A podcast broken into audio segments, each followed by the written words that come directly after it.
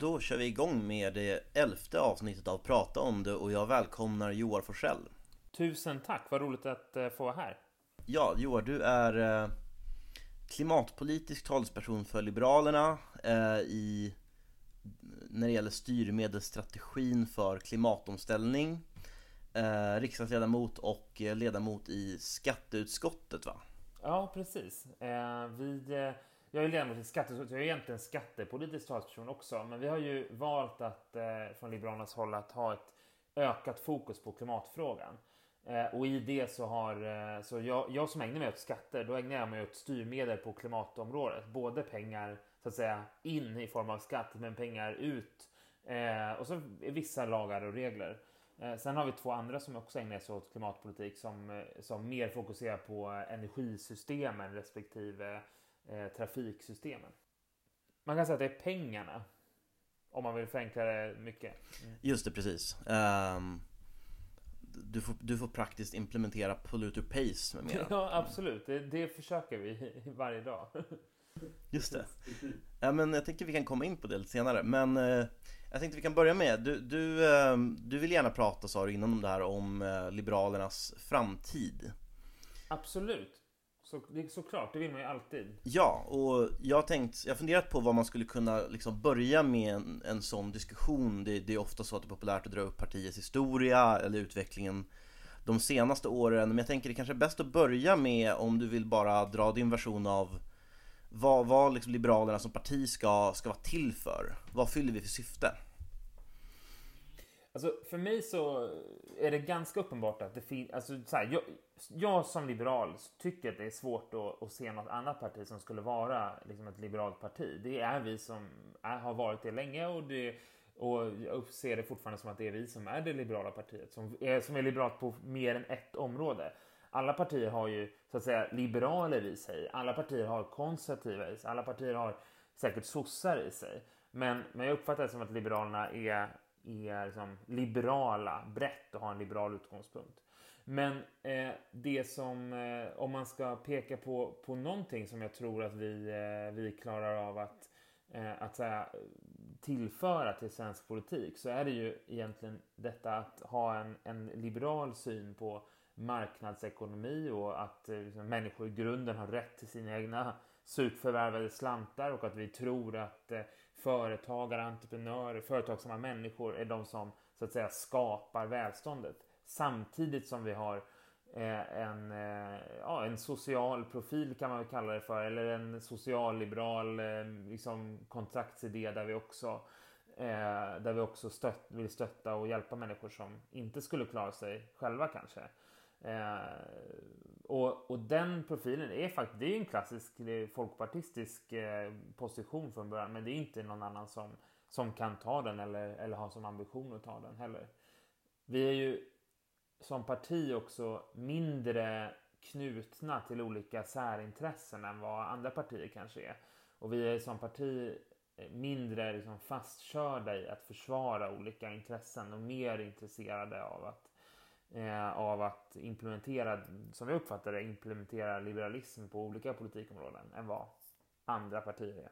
Det är väl mycket mer av idéstyrt eh, parti än ja, till exempel de andra så, så, så kallade borgerliga partierna Även om de kanske delar mycket av eh, Alltså, men vem är egentligen borgerlig idag? Alltså det där, jag, jag, tycker det är så intressant. För mig är ju det som har definierat svensk borgerlighet, alltså absolut, den har varit emot sossarna. För att den har varit emot socialdemokratiskt maktinnehav. Det har liksom varit gemensamt för borgerligheten.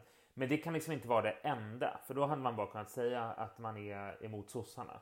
Så det kan inte vara det enda som definierar borgerlighet. Eh, utan jag tänker att borgerlighet, så som det har varit i Sverige, har ju också varit det här eh, liksom internationalistiska, att man är en del av, vill att Sverige ska vara en del av världen, att man välkomnar världen, att man tycker det och det kan ta sig uttryck i livsstil som att man tycker det är trevligt att prova nya italienska viner eh, eller eh, resa liksom, utomlands. Eh, men det kan också ta sig uttryck i politik, att man tycker det är viktigt att eh, man har en liksom att man har marknadsekonomi som rör sig över gränserna, att man har fri rörlighet av varor, kapital och människor. Eh, det internationalistiska. Sen har vi varit individualister, alla borgerliga. Alltså att man har värnat om individen, oftast då kontra staten. Från början såklart kontra kyrkan och annat, men, men i grunden nu så att säga kontra staten.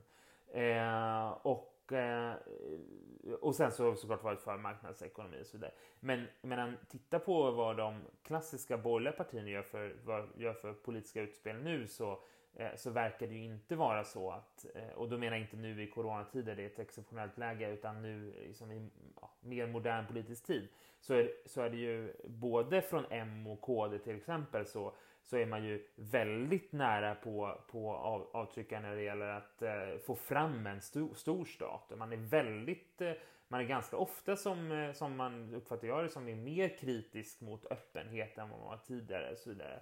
Eh, så, så, att eh, jag skulle nog ifrågasätta, alltså, det beror på vad man har för definition av borgerlighet, men det går ju att ifrågasätta hur borgerliga de borgerliga partierna egentligen är.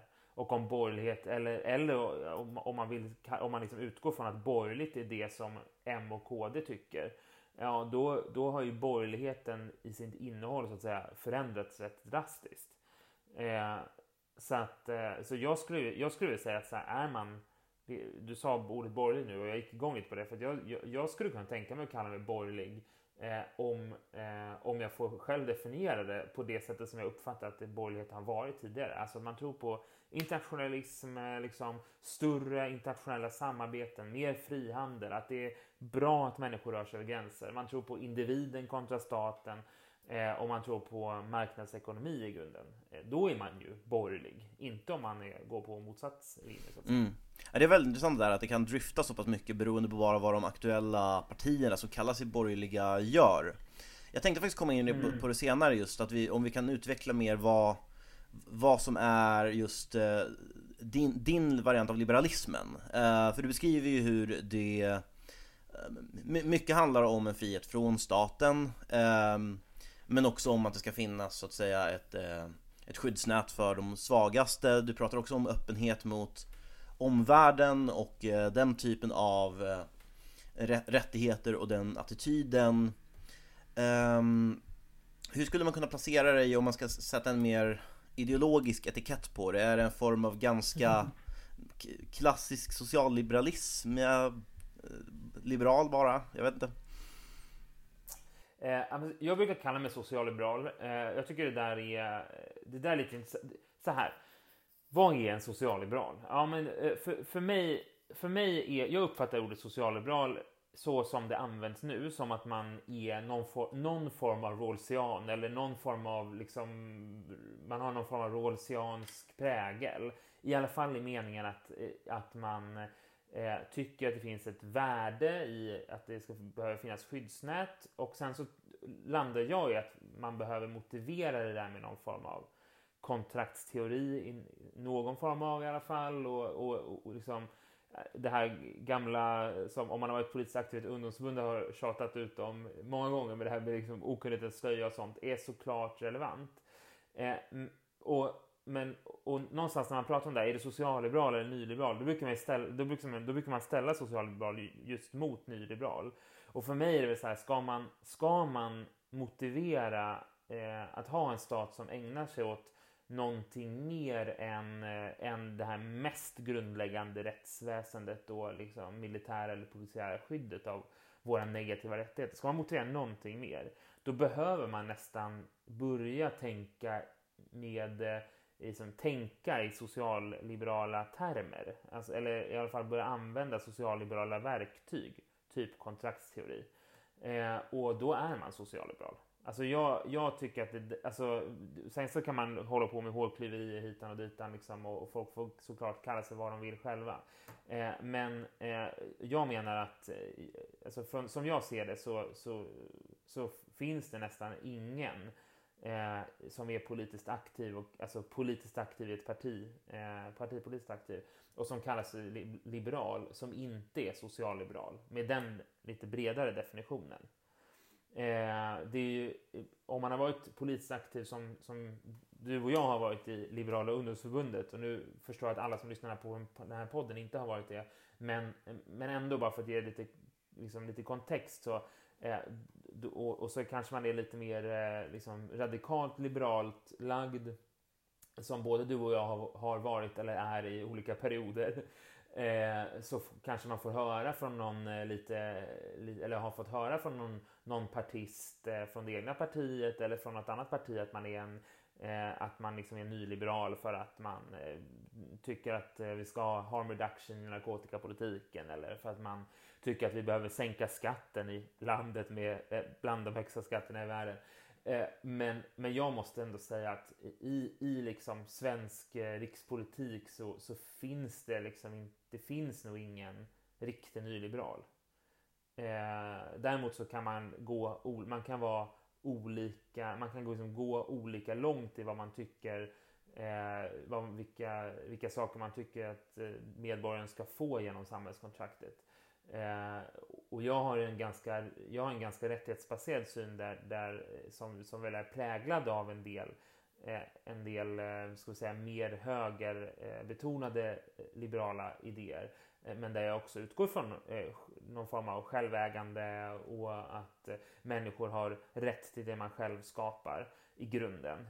Och det, då landar man ju i att, att man, vill liksom, man vill minimera det, de statliga åtagandena. Man vill att staten ska vara så liten som möjligt men med liksom ett, ett visst mått av, av socialt ska vi säga, socialt skydd eller eh, gemensamt skyddsnät och så vidare som, som får någonstans ingå i det här kontraktet. Mm. Det var ett lite utbroderat svar, men jag kan tycka att det blir lite provocerande med det här att man, man ska försöka labla varandra som olika eh, ja, men, socialliberaler eller inte, eh, ofta i, i, mitt parti. När, när jag tycker att egentligen är alla socialliberaler eh, som är liberaler där så att säga. Eh, sen finns det ju sossar och konservativa i alla partier som vi nyss konstaterade. Också. Ja, precis. Nej, men jag, jag tänker mest att det kan vara vettigt att försöka dra upp lite, lite skiljelinjer på vad det är man motiverar mm. till exempel de här Eh, Absolut, men det håller jag helt med dig om. Jag vill, ville bara få tillfället i akt och säga detta. Absolut. eh, jag tror jag kanske är en av de extremt få som är faktiska nyliberaler. Jag har väl driftat väldigt långt åt det hållet. Eh, det, det, finns. finns alla sorter såklart. Det är svårt att driva i kommunpolitiskt förstås, eh, måste jag säga. Men Precis, man kan ju vara någon form av pragmatisk nyliberal som verkar i en, liksom, en parlamentarisk kontext där det är Ja, men det, man, eh, ja. det är det man får göra liksom. Det, är ju, det finns ju ingen...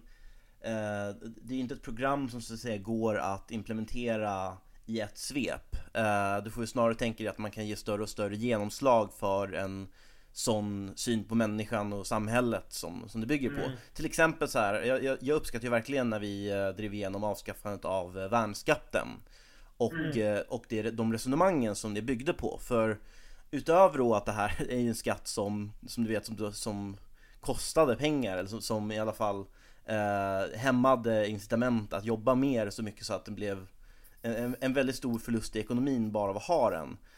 Eh, mm. så ledde ju det till att människor fick behålla mer av sina egna pengar. Och att det i sig var ett, ett, ett fullgott skäl som vi, som vi också försvarade mm. det här med. Uh, Verkligen.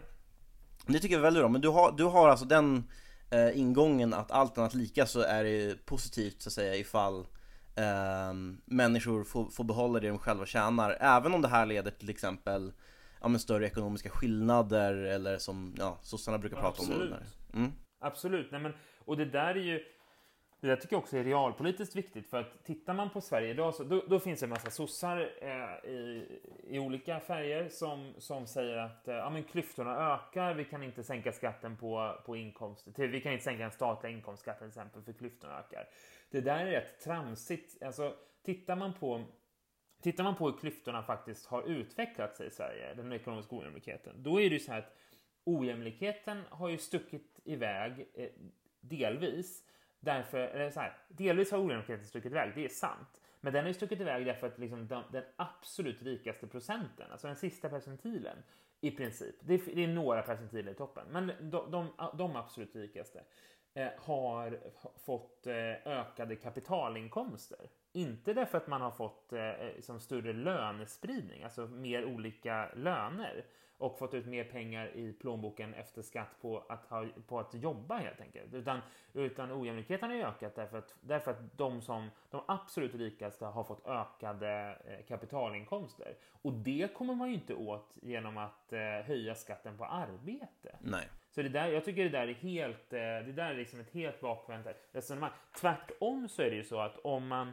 om man sänker skatten på arbete, till exempel skulle man alltså jag tycker man ska vara öppen för att diskutera hur rimligt det är att det finns en statlig inkomstskatt eh, som är på, i alla fall på de nivåerna vi har. Mm. Eh, men menar, sänker man skatten både för folk som tjänar lite mer och för personer som tjänar lite mindre, för jag tycker man ska göra båda. Det, det, liksom, det finns inte Alltså, marginalskatterna i Sverige är förfärligt höga, men det är också så att personer med låga inkomster har det svårt att få ekonomin att gå ihop, delvis på grund av skatter. Eh, men sänker man de skatterna, ja, men då, får ju, då får ju personer med låga inkomster plötsligt eh, eh, plötsligt möjlighet att liksom spara ihop ett startkapital eh, och liksom gör, förverkliga sin företagsidé eller sitt entreprenörskap. Eller man kanske plötsligt får chans att eh, lägga undan lite pengar varje månad till sina barn så att de kan få en, eh, en insats i en lägenhet när de, flyttar, när de flyttar hemifrån och på sikt kan få kapitalinkomster på grund av det eller på sikt kan få en säkerhet om de vill starta företag. Alltså då kommer man ju kunna få till, till stånd eh, klassresor om man sänker skatten för personer med låga inkomster. Och sänker man skatten för personer med lite högre inkomster men som inte tillhör de här absolut rikaste procenten för de känner, de har ju sina inkomster från kapital, eller det är där som skillnaden har ökat. Men sänker man skatten på dem, och då kan man ju få, dels så får man ju, dels så är det ju så att plötsligt så kan medelklass bli över medelklass och över medelklass kan eh, kan bli liksom rika och det är ju i princip omöjligt i Sverige idag. Mm. Eh, att jobba sig rik så att säga på, med, med, med lön. Men det kan, skulle man faktiskt kunna få till. Då kan man få klass, till stånd klassresor också där. Men som det är idag så ligger ju liksom de, de höga skatterna som Sverige har ligger ju som ett vått täcke, ett vått täcke över hela, hela ska vi kalla det för klassstrukturen eh, och liksom hindrar alla former av klassresor därför att det är så otroligt höga skatter.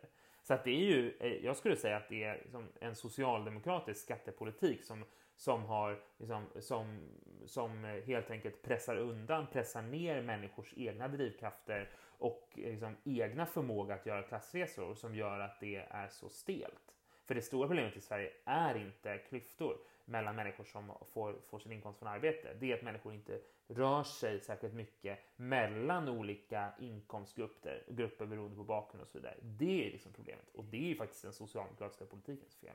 Ja, nej men det är ju jag tycker det är intressant. Jag hade Stig-Björn Ljunggren över på podden tidigare, statsvetaren, och han eh, var ju också med på att, att även om eh, Socialdemokraterna har haft den här idén om att eh, omfördela via höga skatter så har man ju i, i praktiken även den ändå släppt idén om det klasslösa samhället. Eh, där, dit har de ju aldrig mm. liksom ens, nästan hopp, försökt ta sig längre. Så då är man ju nästan fast i någon slags limbo bara av eh, väldigt höga eh, tillväxthämmande eh, skatter som förhindrar klassresor samtidigt som du då har du, du aldrig når den här visionen som de ändå är ute efter. Eh, mm. Men samtidigt så eh, vill ju också ha välfärd och vissa åtaganden utöver um, själva nattväktarstaten. Uh, skulle du säga mm, att den främst är till för de som inte skulle klara sig utan den så att säga? Eller? Absolut, men jag, jag tycker det, det är ju där det är mest motiverbart.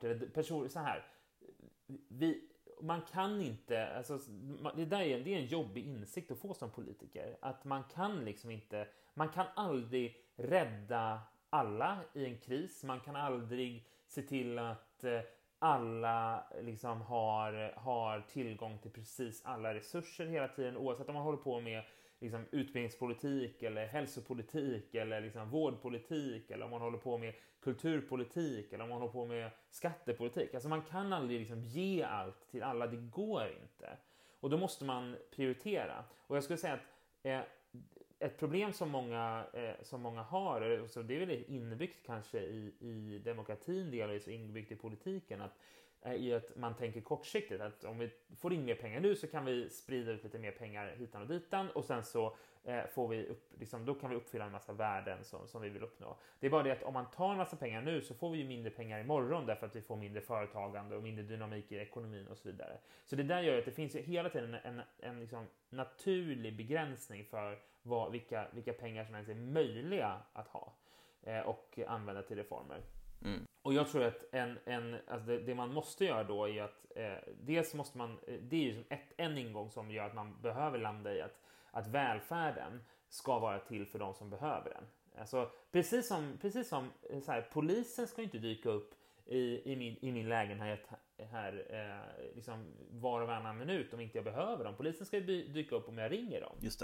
Eh, och på samma sätt som man ska inte få försörjningsstöd om man har en inkomst. Mm. Det är ju, det är ju bisarrt. Man, man, välfärden ska vara till för människor som behöver den.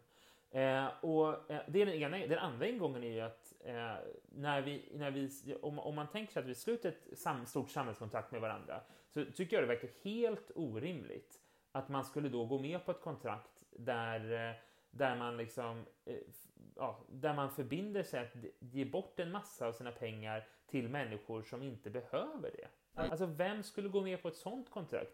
Man går ju med på ett samhällskontrakt därför att man tänker att eh, jag betalar in till, till den här gemensamma för att om jag, hamn, om jag hamnar i en olycka eh, där, som gör att jag inte sen kan eh, arbeta till exempel, eller så att jag behöver vård, eller om mina, mina barn, eh, liksom, eller framtida barn behöver vård, eller liksom, om jag blir arbetslös och, och sen inte klarar av att komma in i arbete igen.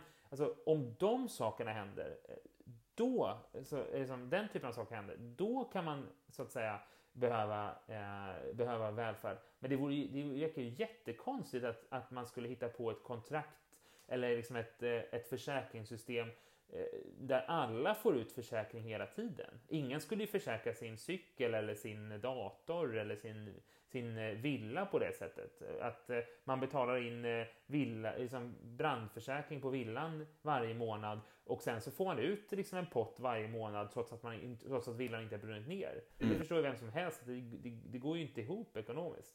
Utan välfärden måste ju vara till för de som, som faktiskt behöver den helt enkelt. Mm. Det blir ju en form av trygghetsnarkomani nästan, eller nästan inte ens trygghet utan bara, ja. Eh, men det är jag ska inte pusha dig och att säga hur mycket av det generella vi borde avskaffa men det, det låter i alla fall som en riktning som, som jag tycker är lovande och som inte är helt vanlig heller kanske. Um... Nej, men, och det kan man väl säga på tal om det vi pratade om tidigare om, om eh, socialliberalism och nyliberalism att, att jag tror att, alltså, som, som jag uppfattar vårt samhälle idag så är det i grunden ett socialdemokratiskt samhälle där det i grunden är en socialdemokratisk hegemoni som råder de flesta människor tänker i, social, i, i socialdemokratiska termer. Eh, det är, ett, det är liksom ett socialdemokratiskt samhälle på, på många sätt. Eh, inte de bitarna som är bra kanske med, med företagande och sånt, men, men, eh, och liksom så, men däremot de sakerna som är dåligt, som vi pratade om tidigare, att det är eh, liksom svårt att göra klassresor, det är, vi har för få nya stora företag som kommer upp och utmanar gamla, eh, vi, vi, det, folk är hämmade av jantekulturen och så vidare. Det är liksom ett socialdemokratiskt samhälle i grunden. Och sen blåser det konservativa vindar, så att säga, hur man nu vill uttrycka det, eh, utöver. Det finns klara ökande konservativa tendenser. Det är därför stora delar av borgerligheten har börjat lämna borgerliga ideal, som vi pratade om, mm. om, om tidigare också. Eh, eh, och, eh, och det är klart att i den kontexten så kan ju socialliberaler och nyliberaler och liksom klassiska liberaler och what not sorts liberal kan ju jobba tillsammans åt samma håll rätt så jäkla länge, ursäkta, ursäkta mitt språk, eh, innan man kommer till en punkt där det inte går att komma överens längre. Mm. För att liksom, vi har, gått så, vi har gått så himla långt ut på den liksom, eh, socialdemokratiska plankan Eh, och eh, det är konservativa som, eh, det är liksom konservativa som jäckar i vattnet nedanför så att säga. Så att vi, vi kan liksom backa rätt så, rätt så snabbt åt, eh, till liberalism, till vårt, liksom, vårt liberala trygga skepp innan vi, eh, innan vi måste skiljas åt olika typer av liberaler. Mm. Vi, vi är långt ifrån framme så att säga. Ja, men jag, jag tror också, jag, jag skulle säga det att jag tror att vi har ju en del gemensamt med till exempel Moderaterna när det kommer till synen på att ja, men välfärdsstaten är inte till för eh, att precis alla ska få utdelningar på sin försäkring hela tiden eh, utan att det handlar mest om de som just verkligen har behov av den. Men mm. däremot så har det ju börjat uppstå en skillnad med de andra eh, borgerliga partierna när det kommer till den biten. Eh, jag, jag, jag kollade på Lufs eh, handlingsprogram lite grann innan det här. För mm. du, du, har ju varit, du har ju varit ordförande för Liberala ungdomsförbundet tidigare mm. också, väldigt nyligen. Och mm. jag tycker att väldigt mycket av det du säger stämmer ju överens med det som står där om ideologi. Att det, det är grundat i vilka fri och rättigheter vi ska ha, det är statens främsta uppgift att skydda. Utöver det så, mm. så finns det lite som handlar om att utjämna förutsättningarna för de som har det allra svårast och så. Um, men det är en del som jag alltid har tyckt varit viktig och alltså speciellt unik med just LUF. Att vi har eh, både rätten till eh, min egen egendom och den negativa friheten att säga där ekonomiskt. Men också frånvaro av sociala regleringar som till exempel att mm. man ska få utöva bönutrop på lika villkor som kyrkklockor mm. eller att ingen ska inskränka min ja, rätt hur man, hur man klär sig. Eller ja, precis. Eminem eller vad det kan vara liksom. Ja, exakt, det, är en, det där är ju en, bara en eh, liksom, yttrandefrihets och äganderättsfråga. Jag, jag har rätt att uh, yttra vad jag vill uh, och jag äger högtalarsystemet. Så här, ja. Ja, varför ska man ha rätt att störa sig på ett visst sorts ljud mer än ett annat liksom? Det är ju... Ja, nej, man får ju störa sig på vad man vill, men man har ju inte rätt att, så att säga, tvinga någon att hålla käften för det. Nej, nej exakt. Det, den sortens lika behandling borde ju vara liksom i en liberal ryggmärg. Men du ser också att det är flera andra partier som börjar eh, tumma på det här. Absolut, eh, så är det ju. Och, och, och, det är ju väldigt, väldigt sorgligt. Det visar ju hur... Alltså för någonstans har det, vi har ju varit så här, för oss som är med i, i, som ett liberalt parti, så har det varit så här, vi har varit liberala och såklart så kan man gå tillbaka och peka på enskilda saker där vi tycker idag att det var inte liberalt, men skitsamma, vi har varit i grunden liberala under mycket, mycket lång tid. Vi har grundats som ett sånt parti. Eh, och, sen så har, och sen nu på senare ett år så är det såklart så att då har många partier varit så här, lite mer liberala än vad de varit tidigare. Då har man sagt så här, men varför behövs Liberalerna verkligen? Eller Folkpartiet? Eh, alla, alla andra är ju liberala. Liksom. Eh, ett tag så tyckte man att Reinfeldt, Moderaterna, de är ju socialliberala. Sen tyckte man liksom att Centerpartiet är liberala. Men här, när det väl kommer, och man, det finns de som tycker att sossarna är liberala också, mycket märkligt. Mm. Men när det väl kommer till kritan, precis som du säger, så, så är det inte så många liberaler som står kvar vid sin liberalism. Det är så många som kallar sig liberaler, för man är inte liberal om man inte står fast vid sin liberalism såklart. Eh, och det där är ju väldigt, det finns liksom många, jag tror det finns, har funnits många liksom framgångssupportrar till liberalismen. Eh, men, men det är ju inte så, det, det, blir liksom inte intressant när det kommer till kritan. Och nu när det blåser vindar åt lite andra håll så, så då får man, då, agnar, då får man liksom, då hittar man väl vilka som är liberaler på riktigt till slut. Mm. Jo, flera partier har börjat vackla på den, på den fronten, precis. Uh, så att mm. där ser jag också verkligen en nisch uh, som är viktigt att den finns kvar. Jag, jag, tycker jag ser en nisch till också. Uh, kanske mer hos dig än i många, bland många politiker. Ehm, det, det, är väl ett visst motstånd mot paternalism i det här som staten mm. gör. Alltså att staten så att säga gör saker för människors eget bästa som de kanske inte själva ens skulle valt. Um... Exakt, att staten helt enkelt inte litar på att människor själva kan göra en bedömning om vad som är bäst för dem. Och att staten, och egentligen grundade sig också att staten tror, och det är väldigt, väldigt märkligt, mm. att man vet vad som, vad en, en annan människa prioriterar. Alltså, jag tycker det där är så himla konstigt. Är det inte så att alla människor som någonsin har försökt att köpa en födelsedagspresent till sin partner eller till sitt barn eller till sin förälder eh, tycker det är jättejobbigt. Därför att man inte vet vad personen, alltså det är så himla svårt. Det är så här, vill den ha, vill den ha en sån här, liksom, en sån här flaska vin eller vill den ha den här flaska vin? Eller vill den ha det här brädspelet eller det här brädspelet? Jag vet inte vilket brädspel den har, jag vet inte vad den tycker om egentligen.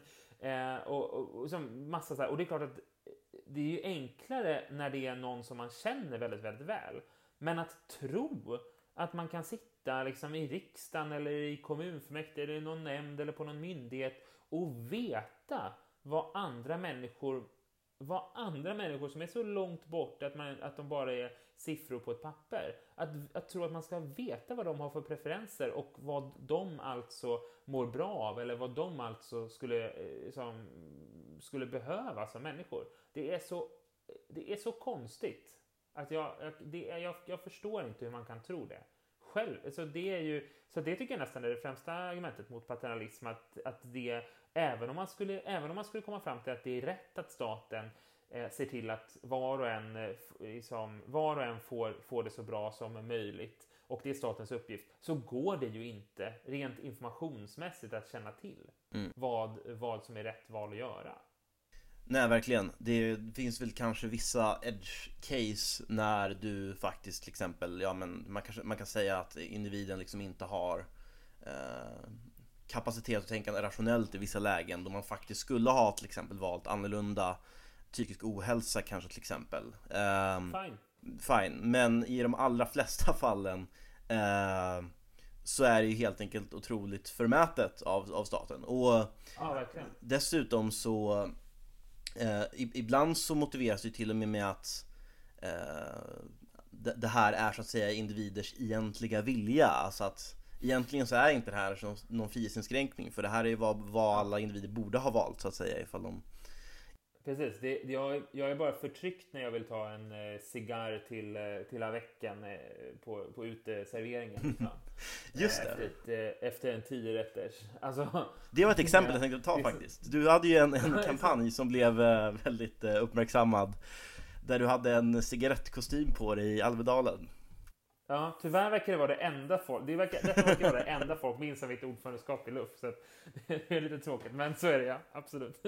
Just det. Uh, det var, det var mot uh, rökförbud på uteserveringar. Väl? Precis. Hur var det Liberalerna var emot det? Liberalerna var, var faktiskt emot också till slut. Vi hade ju en... Uh, det där är en så teknisk fråga hur man röstar i riksdagen. Mm. Men vi var emot lagförslaget. Eh, vi hade ett annat förslag kan man säga. Eh, Liberalernas eh, motivering handlade framför allt om att Eh, Eh, och det tycker jag är väldigt rimligt. Eh, och det handlar framförallt om att det ser väldigt olika ut på olika, alltså att säga eh, ut, den här lagstiftningen var ju så extremt generellt formulerad, eller är så extremt generellt formulerad. Det, den, den är som, ja, det är alla uteserveringar och sen är det liksom busshållplatser och offentliga platser och dittan och dattan och utanför entréer och sådär. Och det ser ju väldigt, väldigt, väldigt olika ut. I, det kan ju finnas, det finns ju delar av landet där det, det kanske finns en lokal krog eh, där, där man så att säga kan stå eh, där man kan stå väldigt avskilt utan en annan människa eh, i närheten utanför och ta en cigg. Och sen så finns det ställen eh, där, det, där finns spelar någon. Sen finns det andra ställen som är väldigt eh, tätt befolkade kanske, där det finns jättemånga krogar och där det redan idag finns uteserveringar med och utan eh, rökning. Så det är väldigt, liksom, det är väldigt eh, märkligt att ha en sån här liksom, grovt huggen, extremt generell lagstiftning över hela landet. Mm. Det får eh, helt liksom, oproportionerliga konsekvenser. Mm. Jag eh, motionerade faktiskt tillsammans med en eh, riksdagskollega Gulan Avci nu också till, alltså året efter nu, eh, om att ta bort den här lagstiftningen. För vi har ju också fått se, alltså det är ju också konkreta negativa eh, konsekvenser i form av ökad nedskräpning, att folk ställer sig inte längre liksom på de här, som det tidigare var, liksom, eh, tydligt markerade rökrutorna utanför krogar, utan istället så går folk ställer sig ute på gatan, för där kan man stå och röka. Eh, så att, eh, och då blir, man ju, då blir det ju trafikfara som ju alltså, här, mer uppenbart är farligt, så att säga, mm. för alla inblandade. Eh, och sen så är den här nedskräpningen, eh, det är några exempel, eh, förutom det rent liksom, paternalistiska, att så här, alla människor känner till att det är farligt att röka. Det finns faktiskt ingen som inte gör det. Nej. Där får man säga att det har informationskampanjerna lyckats. eh, så att väljer man att ta en sig, ja då, kanske, då, då, då, antar jag faktiskt att det är för att den personen har gjort ett övervägande eh, där den har kommit fram till att det är värt för mig att ta den här ciggen just nu. Sen finns det beroende och jag kan tycka att man Eh, att det, man kan ha, liksom, man, kan, man ska försöka ha insatser generellt så tycker jag att eh, beroendevården i Sverige behöver eh, behöver liksom stärkas. Eh, men den här liksom frivilliga siggen som många faktiskt tar, den kan man liksom inte lägga sig i. Nej. Herregud. Nej, jag, jag instämmer helt. Jag vet ju också att det finns argument för det här förbudet.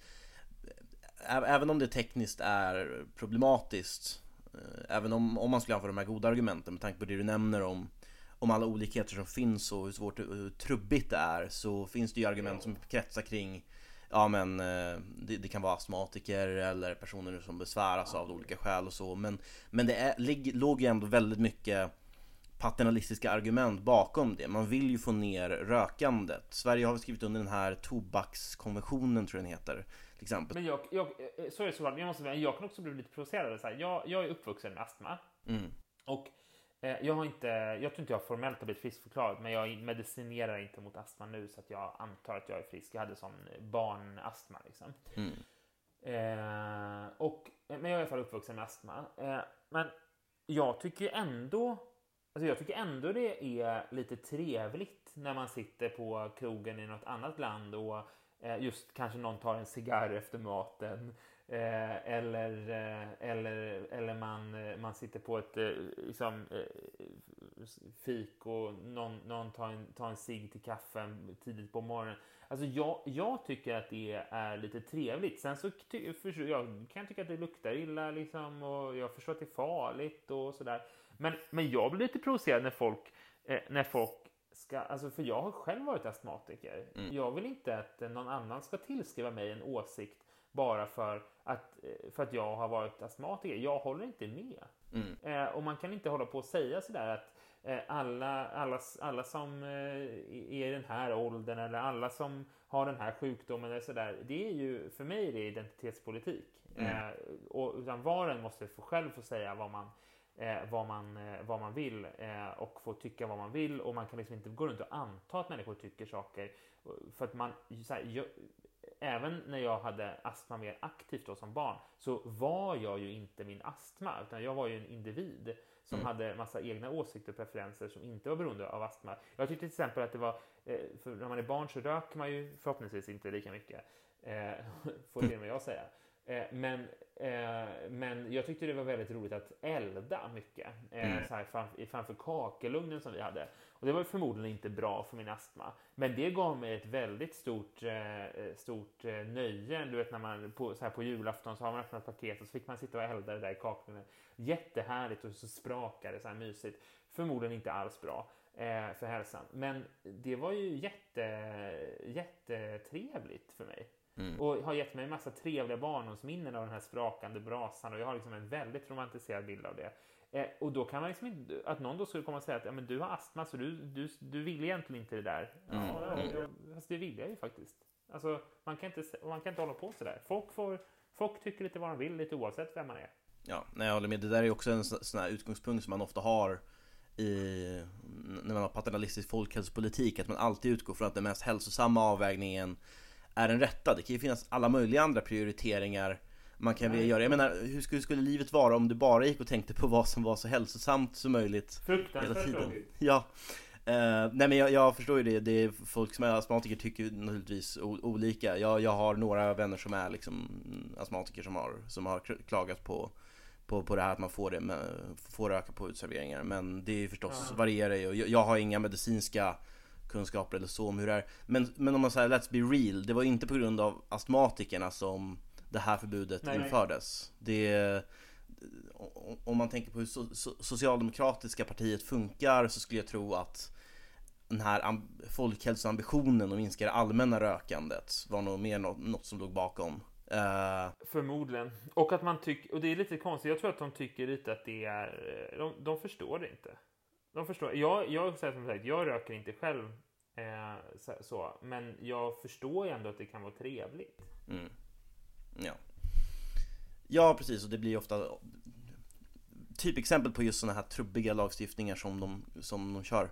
Men jag tycker då vi har ändå hittat ganska mycket här av en nisch för, parti, för partiet Liberalerna då. Då har vi någon, några som inte är paternalistiska, vi har ett visst skyddsnät men bara för de som behöver det.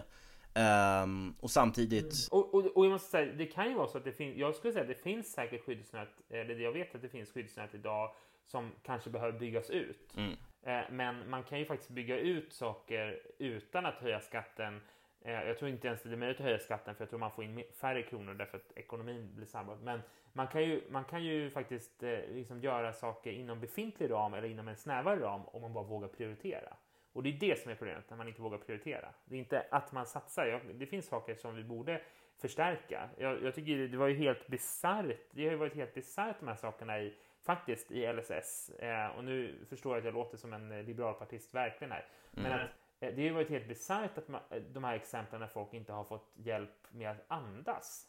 Mm. Alltså, hur, hur, hur kan det finnas ett system där, där man får, ah, det är som prinsessan Estelle får barnbidrag, men ett barn som inte kan andas får inte ja. hjälp.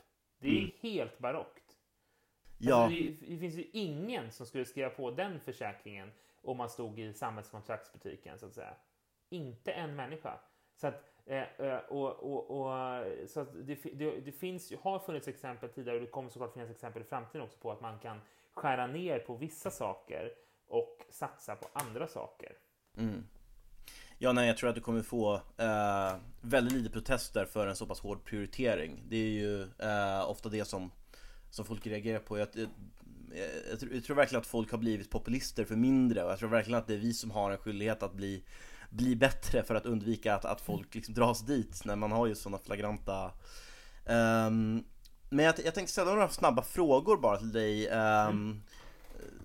Först av allt undrar jag många, nu, nu, har ju till exempel Centern gått väldigt mycket också åt ett gallhåll uh, Kanske gått ifrån det här eh, bondepartistiska arvet. Vad, vad skiljer oss egentligen från Centern i de här delarna? Fast det vet jag inte om jag håller med om. Jag uppfattar det som att man eh, i ekonomisk politik så skulle jag säga att Liberalerna är mycket tydligare i att man, att man vill ha generella reformer. Att man vill ha, alltså det är ju vi som har drivit fram att vi, vi vill, att vi ska ha en generell skattereform så att vi får ett bättre skattesystem som är liksom ihop, sammanhängande och som, som så, att, så att säga, gynnar entreprenörskap och företagande generellt. Medan Centern är fortfarande det partiet som presenterar liksom riktade nischfrågor hitan och ditan. Liksom skattesänkning, alltså, nu var det nu liksom, eh, skattesänkningar i stödområde A och B, liksom, att man ska ha olika skatt beroende på vilken del av landet, alltså olika skatt från staten beroende på vilken del av landet man bor i. Mm. Det, det, är helt, helt, jag tycker det är jättekonstigt. Vi ska ha ett enkelt generellt skattesystem och detsamma gäller ju företagande, att, att vi håller inte på och liksom rikta massa nisch eller stöd utan, utan då blir man mindre populär bland lobbyister och, och eh, bland eh, bland, eh, hos den företagarorganisation till exempel som lobbar på en just då. Men man blir rätt mycket mer populär bland, eh, bland ekonomer.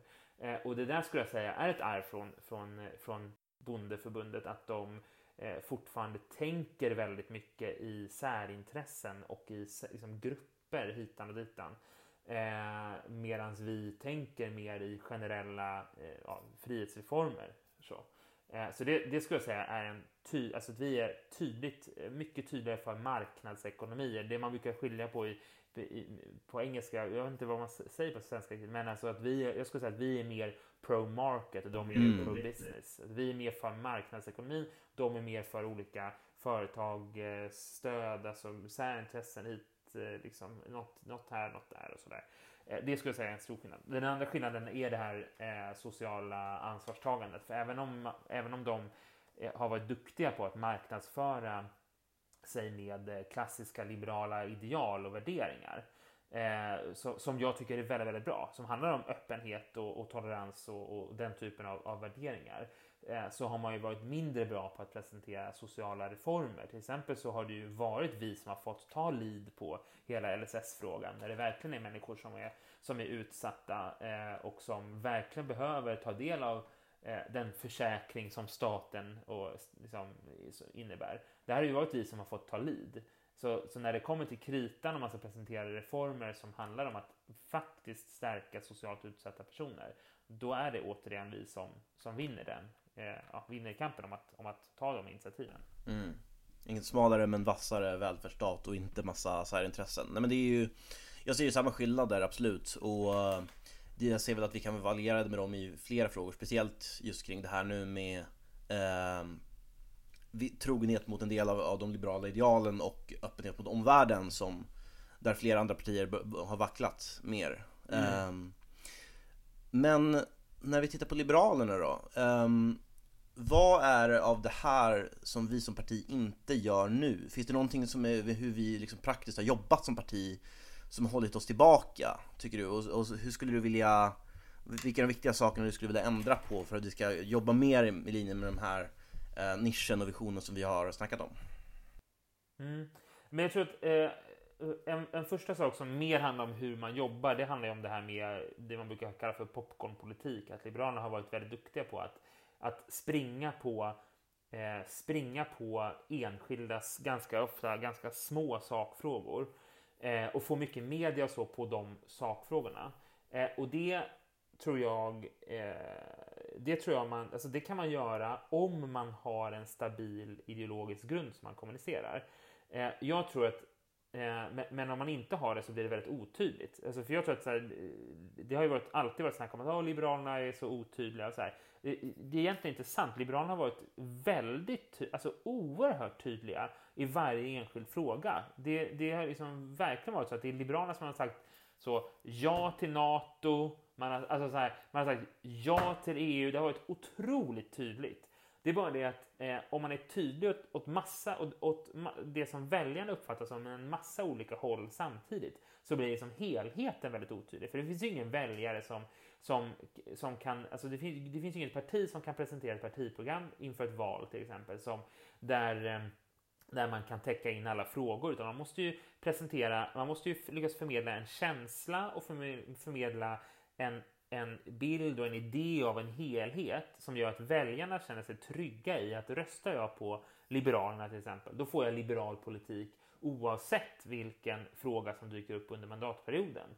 Och, och, och jag tror att det man måste, nu när Liberalerna har tagit fram en, en sakpolitisk strategi, kallar man det för, och där man säger att vi ska prioritera eh, där vi ska prioritera just integration, vi ska prioritera klimat och vi ska prioritera skolfrågor.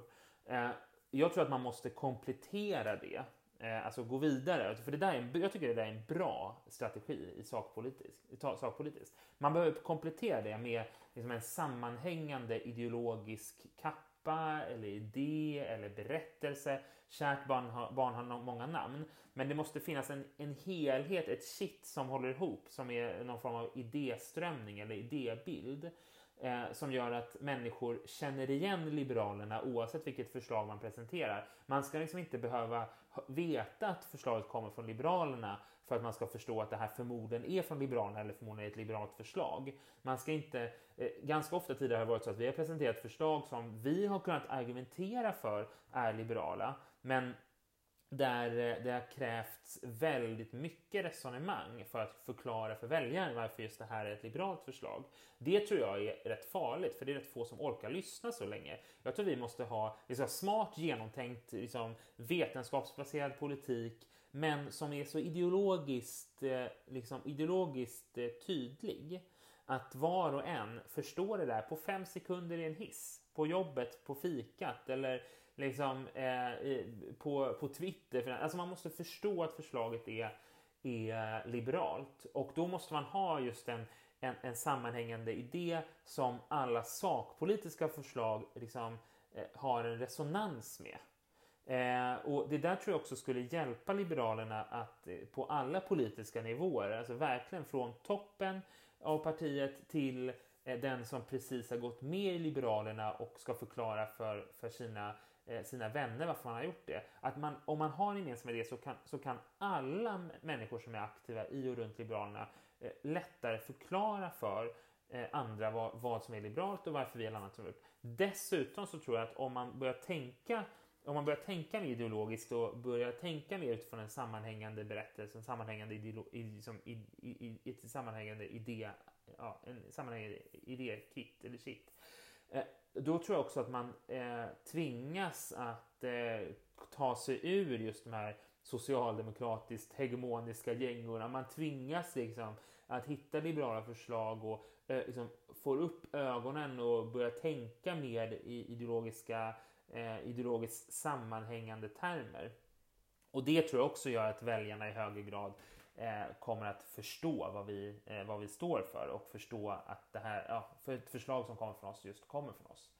Eh, så det tror jag är superviktigt. Sen så tror jag en annan sak som är viktigt är ju att vi utstrålar just man kan kalla det för modernitet eller framtidstro eller progressivitet. Att vi är ett parti som, som vi, vi vill framåt. Vi vill, vi vill mer än vad vi har nu. Vi tror att om vi låter människor eh, liksom företag, om vi låter människor driva sin forskning och vi låter liksom, eh, det, det, människor jobba ideellt, om vi låter eh, människor få skapa själva så blir samhället bättre. Vi tror att eh, vi om 50 år kommer titta tillbaka på tiden vi lever i nu, precis som vi nu tittar tillbaka på tiden som var för 50 år sedan och undra, men hur klarade de sig utan eh, utan eh, liksom en iPhone? Eller hur var det egentligen när man eh, alltid var tvungen att, att, bestämma exakt tid och plats när man skulle ses istället för att eh, eh kunna smsa om det fem minuter innan. Hur var det egentligen att ha distansförhållanden på den tiden eh, då man var tvungen att eh, liksom flyga i flera timmar för att komma, komma till varandra istället för de här supersnabba färdmeddelandena vi har om 50 år som inte jag kan eh, säga vad de är. Alltså, vi tror ju att det kommer bli bättre imorgon, imorgon vad det är, än vad det är idag. Det ligger någonstans i vårt liberala DNA att, att, att tro på människor och tro på att samhället blir bättre. Det har det alltid blivit när människor har fått, fått verka fritt. Och det kommer det bli också, också, eh, också nu. Men det finns, det finns väldigt, jag skulle säga att det är rätt många politiker nu som bara är dysterkvistar och pekar på saker som är dåligt. Och det handlar inte bara om coronakrisen såklart, utan det handlar om, om generellt, att folk bara pekar på massa negativa saker när det finns en massa positiv utveckling som man borde lyfta fram eh, och som jag tror kommer, kommer vinna till slut. Och där, där, där behövs också Liberalerna för att, för att få de här får, en, får liksom en känsla av att eh, allting går åt helvete, eh, det är förgäves, samhället blir sämre, vi kommer få det sämre. Om den känslan slår rot helt och hållet i, i Sverige, då blir det rätt tufft för liberaler. Just för att vi är så samman, sammanlänkade med framtidsoptimism eller progressivitet eller modernitet, vad man vill kalla det. Absolut. Nej men jag ska säga, jag håller med eh, till väldigt stora delar, speciellt om den här inriktningen på eh, att det vi gör både i praktiken och och ideologiskt genomsyras helt enkelt av, av sammanhängande liberala värderingar. Det märks väldigt tydligt bara på politiker i till exempel kommunfullmäktige vilka det är som drivs av, av sådana idéer och vilka inte. Det, det, märks, det märks nog på, på, politiker på alla nivåer. Det tror jag. Um, och um, Så det, det, tror jag är superviktigt men det är också väldigt det, det kommer verkligen kräva arbete också. Uh, att, mm. um, att men vi, men vi ligger liksom och, och, och skvalpar på 4-5% någonstans. Så det, krävs rätt mycket arbete oavsett så säga, vad ja, ja, absolut. Absolut. Nej men jag tror bara att det, det, det, ni, riksdagsgrupper kommer få, kommer få ett tufft jobb framför er. Det, det kräver ansträngning för, för att lyckas etablera en sån här. Men jag hoppas ju verkligen att vi, vi kan göra det. Um, jag tänkte också komma in lite grann på det här med progressiv, eller när du säger framtidstro så är det ju väldigt lätt, då, då, tänk, då ser man ju framför sig kanske eh, Johan Norberg eller den sortens liberalism. Eh, den, eh, ja just, just som motverkar dysterkvistarna och har tilltro mm. till människors egen initiativförmåga. Men det här betyder någonting helt annat än vad till exempel vänstern menar med progressiv. Där ser man det väl mer mm. som att politiken är vägen fram och vad, genom bara fler eh, riktigt genomtänkta reformer och satsningar så kan vi uh, få det bättre imorgon än vad vi har idag. Uh, mm. det, det finns en klar åtskillnad mot, mot den typen av progressivism. Absolut, eh, så är det ju. Och, och precis som eh, både liberaler och socialister använder termer som, eh, som frihet eller rättvisa, men vi, men vi fyller dem med, med, med olika, eh, med olika innebörd. Eh, men, men för mig betyder, när jag säger progressiv så menar jag just alltså helt enkelt tron på framtiden och tron eh, och liksom en, men samtidigt då som en strävan efter att det ska bli bättre. Eh, och, och att man vill att samhället ska utvecklas. Att vi tror att det är bra om vi inte stannar där vi är nu. Därför, och det, det, beror ju, det är ju dels för att man liksom tror att det blir bättre sen, men också för att man inte är rädd för förändring. utan att man, eh, man välkomnar förändring. Man välkomnar att, det, att vi får liksom, allt möjligt. Att, vi, att gamla stora företag går i konkurs därför att det kommer upp en ny uppstickare som gör det på ett bättre sätt och liksom krossa den här gamla giganten med någonting nytt som tillför mer värde, skapar fler jobb, eh, liksom skapar större välstånd. Det tycker vi är bra. Vi tycker också det är bra när när eh, vi får liksom fler matinfluenser.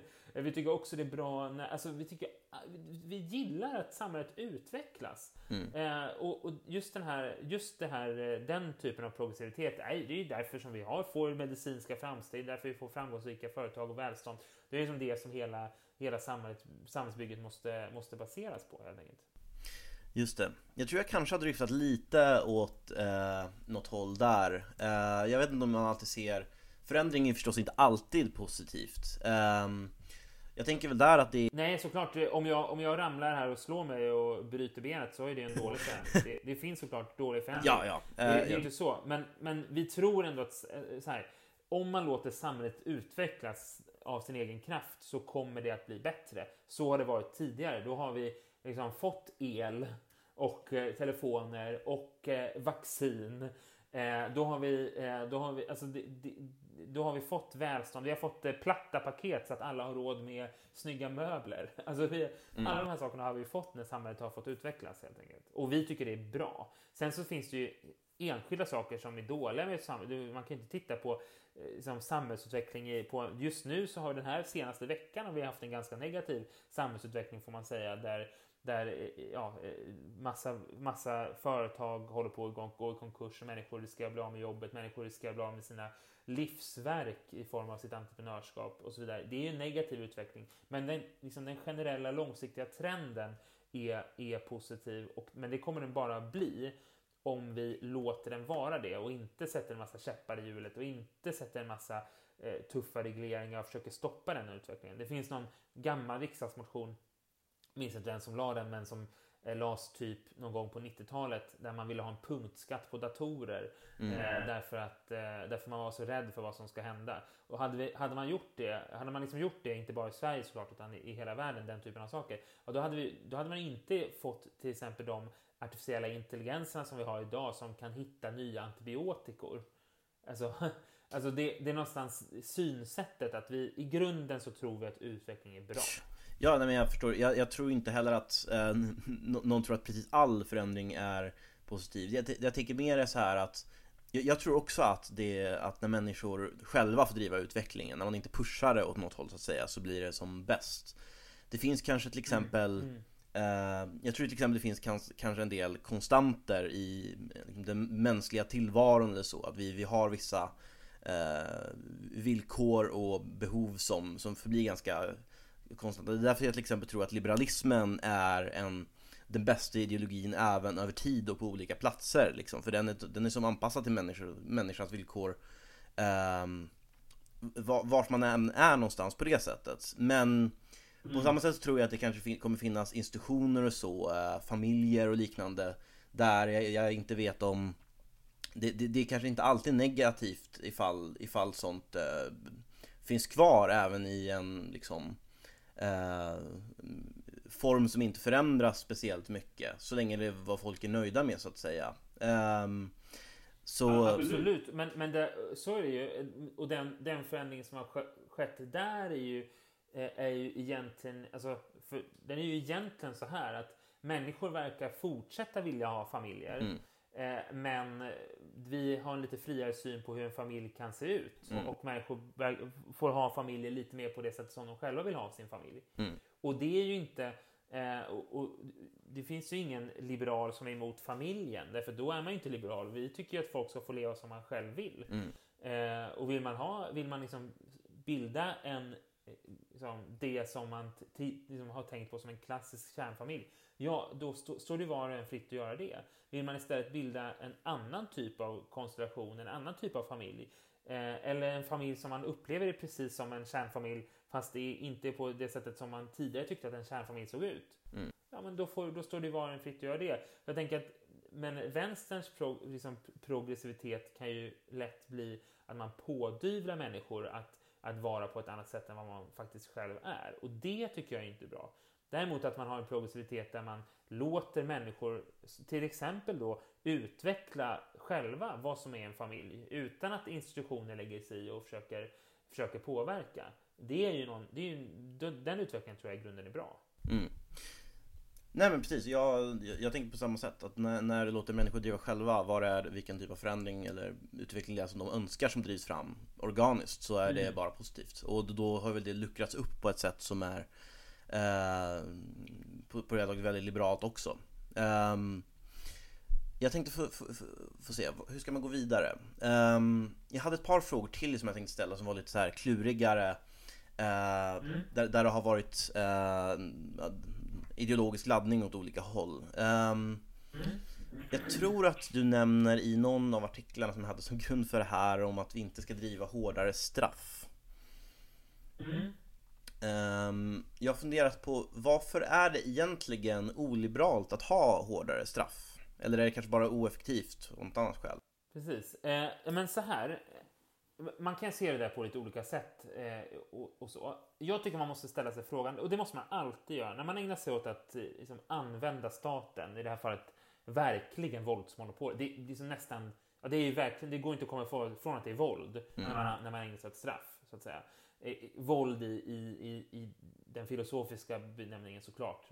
Vi använder inte eh, straff där vi slår folk så att säga. Men vi, det är ju våld därför att man tvingar någon att göra någonting. Så att säga. Till exempel sitta i bur eller ha en eh, ja, eller på något annat sätt. Eh, när man ska använda det, då, då, tror jag att man dels så måste man ju ha väldigt mycket på fötterna med att det är effektivt. Eh, därför att man kan inte ägna sig åt att skada andra människor utan att veta att det ger de resultaten som man... Alltså om det inte ens gör det, då finns det ingen grund för det överhuvudtaget. Men sen så tycker jag att man, det finns, man behöver ställa liksom, högre krav på när staten får använda eh, liksom det som ja, ytterst är våld mot, mot individer. Mm. Och eh, för mig så är det eh, så man, man brukar ju kunna, man brukar ju motivera straff på olika sätt. Det finns lite olika sätt att motivera det på. Eh, ett sätt är ju, eh, är ju eh, vedergällning eller hämnd. Mm. Det är ju det här klassiska, det, det lyfts fram mer och mer. Det skulle jag säga är ett konservativt sätt att motivera det på. Det, det, lyfts, det, det, det är ganska vanligt att man får höra att man vill ha någon form av upprättelse. Alltså jag, jag vill åsamka en annan person skada därför att den har åsamkat mig skada.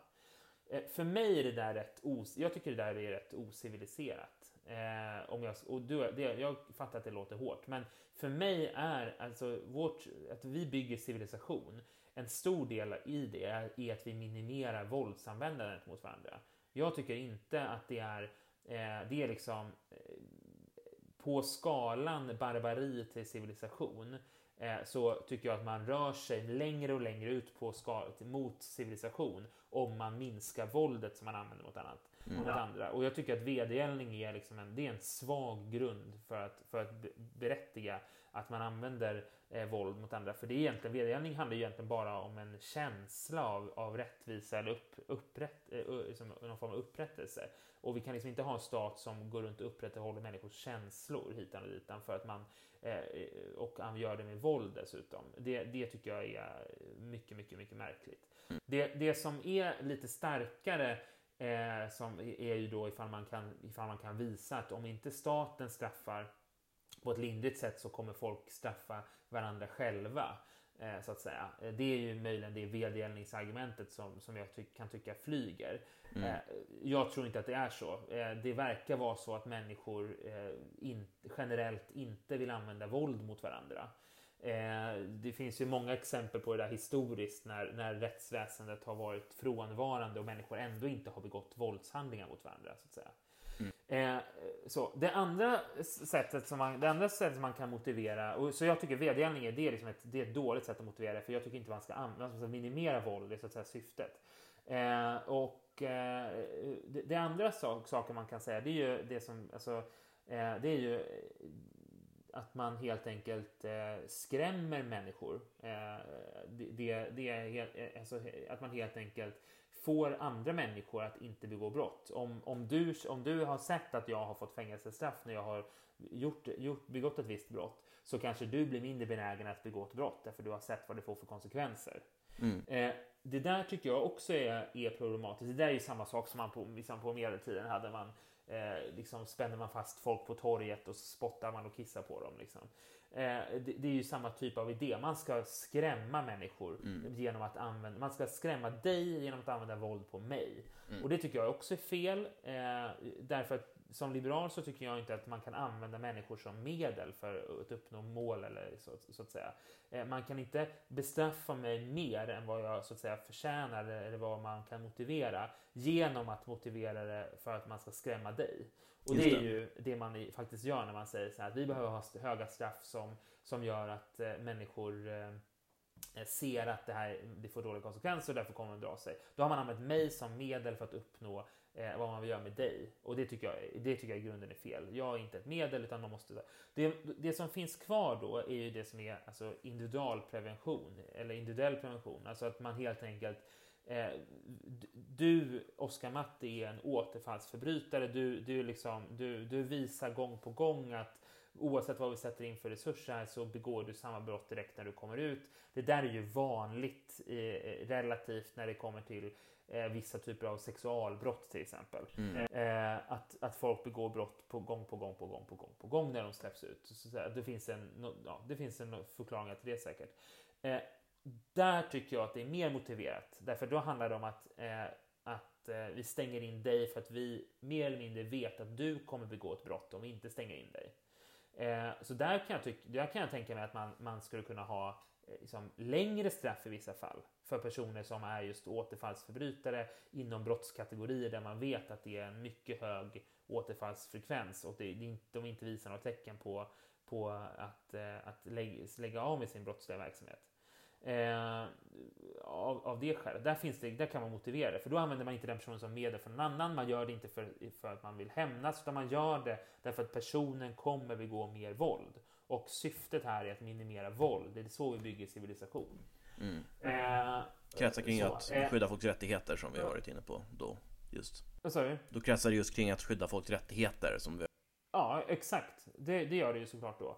Eh, och, då, och skydda mina rättigheter från att utsättas för våld gäller ju att utsättas det gäller ju så att säga oavsett om jag blir utsatt för våld av staten eller av en eh, ideell förening eller av en individ eller vad det nu kan vara för någonting. Eh, våld är dåligt oavsett därför det kränker mina rättigheter.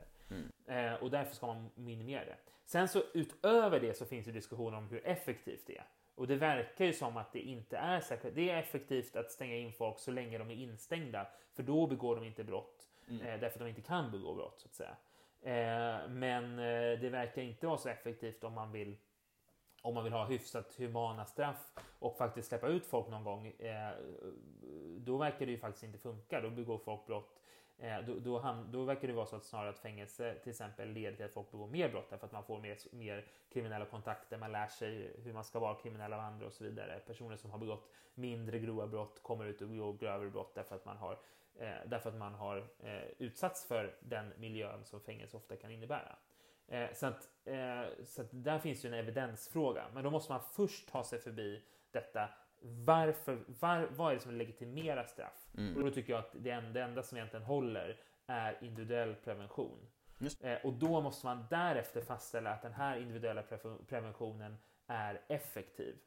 Eh, så att jag tycker man generellt så tror jag inte vi ska höja straffen, snarare tvärtom. Men det finns fall och brottskategorier och, och kategorier av människor så att säga, där man säkert skulle behöva höja straffen. Mm. Ja, jag förstår. Nej men eh, jag tänker stora drag ganska liknande. Eh, jag tror också det, tycker också det det starkaste skälet när det kan funka som individual eh, prevention eh, att till exempel låsa in folk. Det, det ska väl förmodligen också användas liksom eftertänksamt därför att det finns väl en del som tyder på... Det är lite grovt uttryckt hela det här resonemanget såklart med att låsa ja. in folk. Det ja, kan ju vara fotboja eller vad som helst men, men, men ja. Det öppnar sig ett ganska stort komplext ämne här men, men det är, ja. Eh, vad heter det Till exempel så finns det en del som tyder om det vi pratar om ganska allvarliga brott som, som kan då generera långa straff att Ifall du kommer ut när du är Alltså ifall du är i en viss ålder så, är du, så löper du kanske mm. större risk att faktiskt begå brott Medan när du blir lite äldre så eh, tenderar folk att få lite bättre omdöme Men du har ju också det här att ifall du bara har ganska långa straff och folk bara stängs in med en massa andra personer som också mm. eh, har kriminell, en kriminell livsstil och kan eh, kan, liksom, kan de påverka varandra i en rätt negativ riktning. Eh, så det är inte säkert att det är smart heller. Jag, jag vet inte riktigt hur jag såg i, i vedergällningsfrågan. Um, jag tror mer att det är att folk har svårt för det här till exempel ifall de ser folk göra rätt så allvarliga brott. Det kan vara misshandel eller olika rån eller så. Och sen ser att människor kommer undan nästan utan att det händer någonting i princip. Um, Det kanske är bäst då att det, det kanske bästa man skulle kunna hoppas på, för jag menar, man, man märker ju ändå den här Alltså de flesta människor har väl ändå hämndimpulser även om man inte agerar på dem liksom, eller vill göra politik av dem. Men det, det bästa man kanske kunde göra Absolut. vore väl att, att leda in det då på, um, på, in, på individualprevention när det är nödvändigt i så fall. Alltså att man, man kan försäkra sig om att tillräckliga åtgärder uh, vidtas för att man, man ska kunna vara säker på att den här personen inte bara kan gå och göra om samma sak uh, om en månad. Ja. Um, sen så är det där ofta svårt för att det kan ju också handla om uh, unga brottslingar. Det är väl ofta där debatten landar och uh, reducerade mm. straff och liknande. Så det, det är ett komplext ämne. Mm, verkligen. Jag tror jag ska gå rakt vidare, för jag har några saker till jag skulle vilja fråga dig. Um, vi ska se. Jag tänkte en fråga där har ju varit just uh, samtal eller samarbete med Sverigedemokraterna. Um, där har ju vi, mycket av det här arbetet har just hängt på att vi inte vill ha dem som um, ett parti vi är beroende av för att få igenom alla våra beslut mm. i riksdagen. Det är ganska lätt att se hur det kan gå mm. fel. Uh, men skulle du säga att det är uteslutet med uh, enskilda sakfrågor att samarbeta ifall man till exempel ja, men, säg att vi skulle vara för eh, en politik, eh, någon form av politisk reform eller förändring. Vi kan kalla den för XY. Eh, om, om till exempel Sverigedemokraterna skulle vara för en liknande sak, som fast, fast med vissa skillnader som XZ till exempel. Eh, skulle det vara fel då att till exempel utarbeta ett förslag där, vi, där man tar en gemensam nämnare, en X, som, som båda stödjer? Eh, till exempel. Eller eh, behöver man liksom hålla helt, eh, avhålla sig helt från även den, den typen av samarbeten? Ja, jag tycker man ska avhålla sig helt från att ändra sin egen politik för att, eh, för att, få, med, eh, för att få med Sverigedemokraterna. Mm. Jag tror att det är, grunden är väldigt, väldigt farligt att, att liksom glida åt det hållet. Eh, det, det, det är så uttjatat detta nu, men, men det, det, är faktiskt inte ett parti som andra. Det är inte det. Mm. Eh, och det är, eh, det är liksom inte Moderaterna fast de vill ha lite mindre invandring. Utan man har en helt annan ideologisk grund. Alltså det är bara, alltså, verkligen. Jimmy Åkesson, han satt i, eh, i den här, var det lördagsintervjun eller söndagsintervjun, jag minns inte, så sa han rakt ut att han vill att Liberalerna ska åka ur riksdagen. Ja.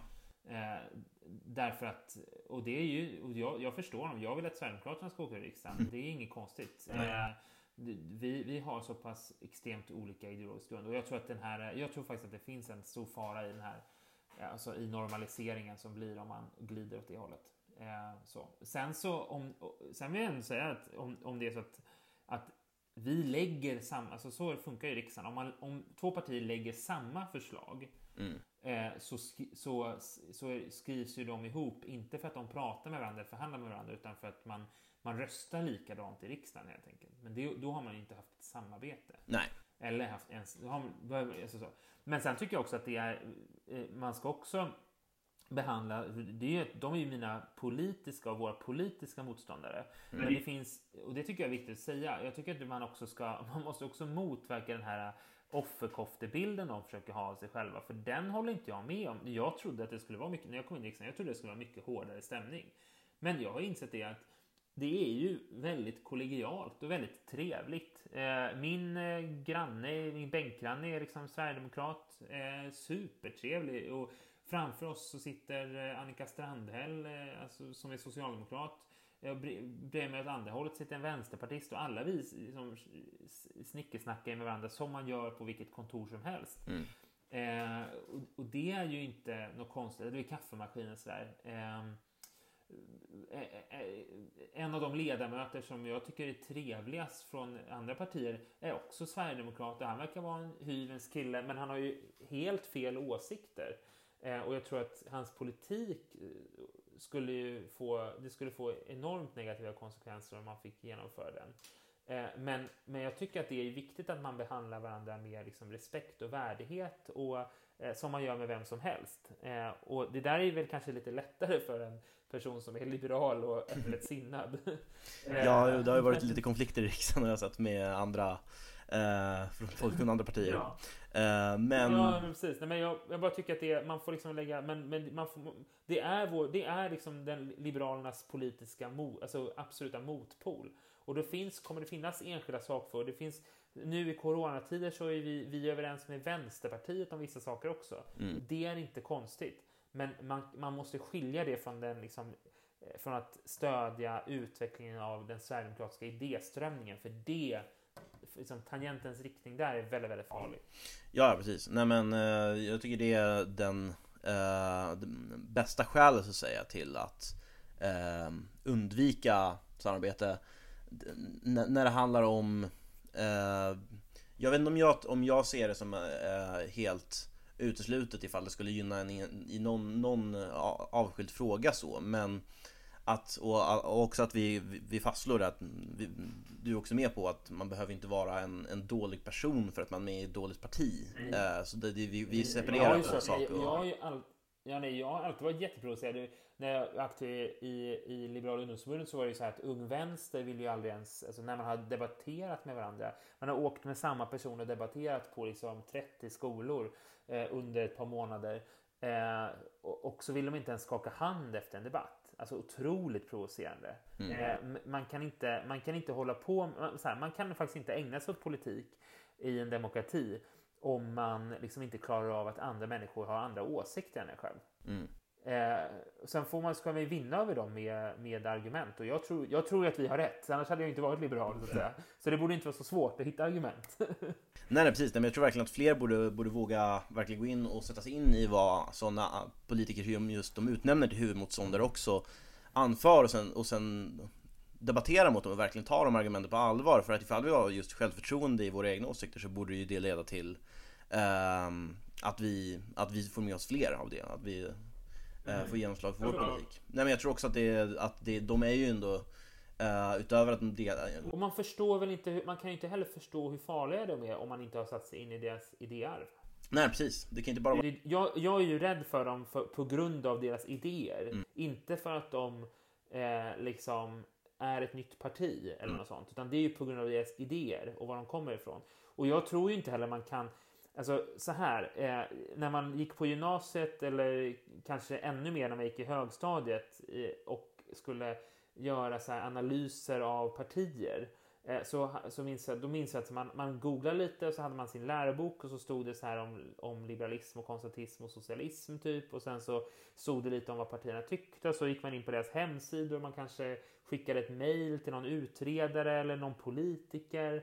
Eh, men jag tror inte att det är så. Jag, nu när jag har hållit på med politik, jag har förstått att det är absolut inte så man kan förstå ett parti genom att läsa ett partiprogram. Mm. Det är inte så man förstår vad ett parti är för någonting. Man förstår ett parti genom, för att ett parti är ju inte någonting mer än bara ett stort just kontrakt, ett stort nät av kontrakt mellan en massa individer som har valt att engagera sig tillsammans. Det är liksom, ett parti är ju ingenting utan individerna som, som bygger partiet. Mm. Och för att förstå ett parti och vad, det, vad de egentligen vill så kan man liksom inte fråga dem eller läsa en debattartikel eller läsa partiprogrammet. Utan då måste man ju förstå vad individerna kommer från för idétraditioner. Vad individerna känner i magen när de liksom läser tidningen vid köksbordet.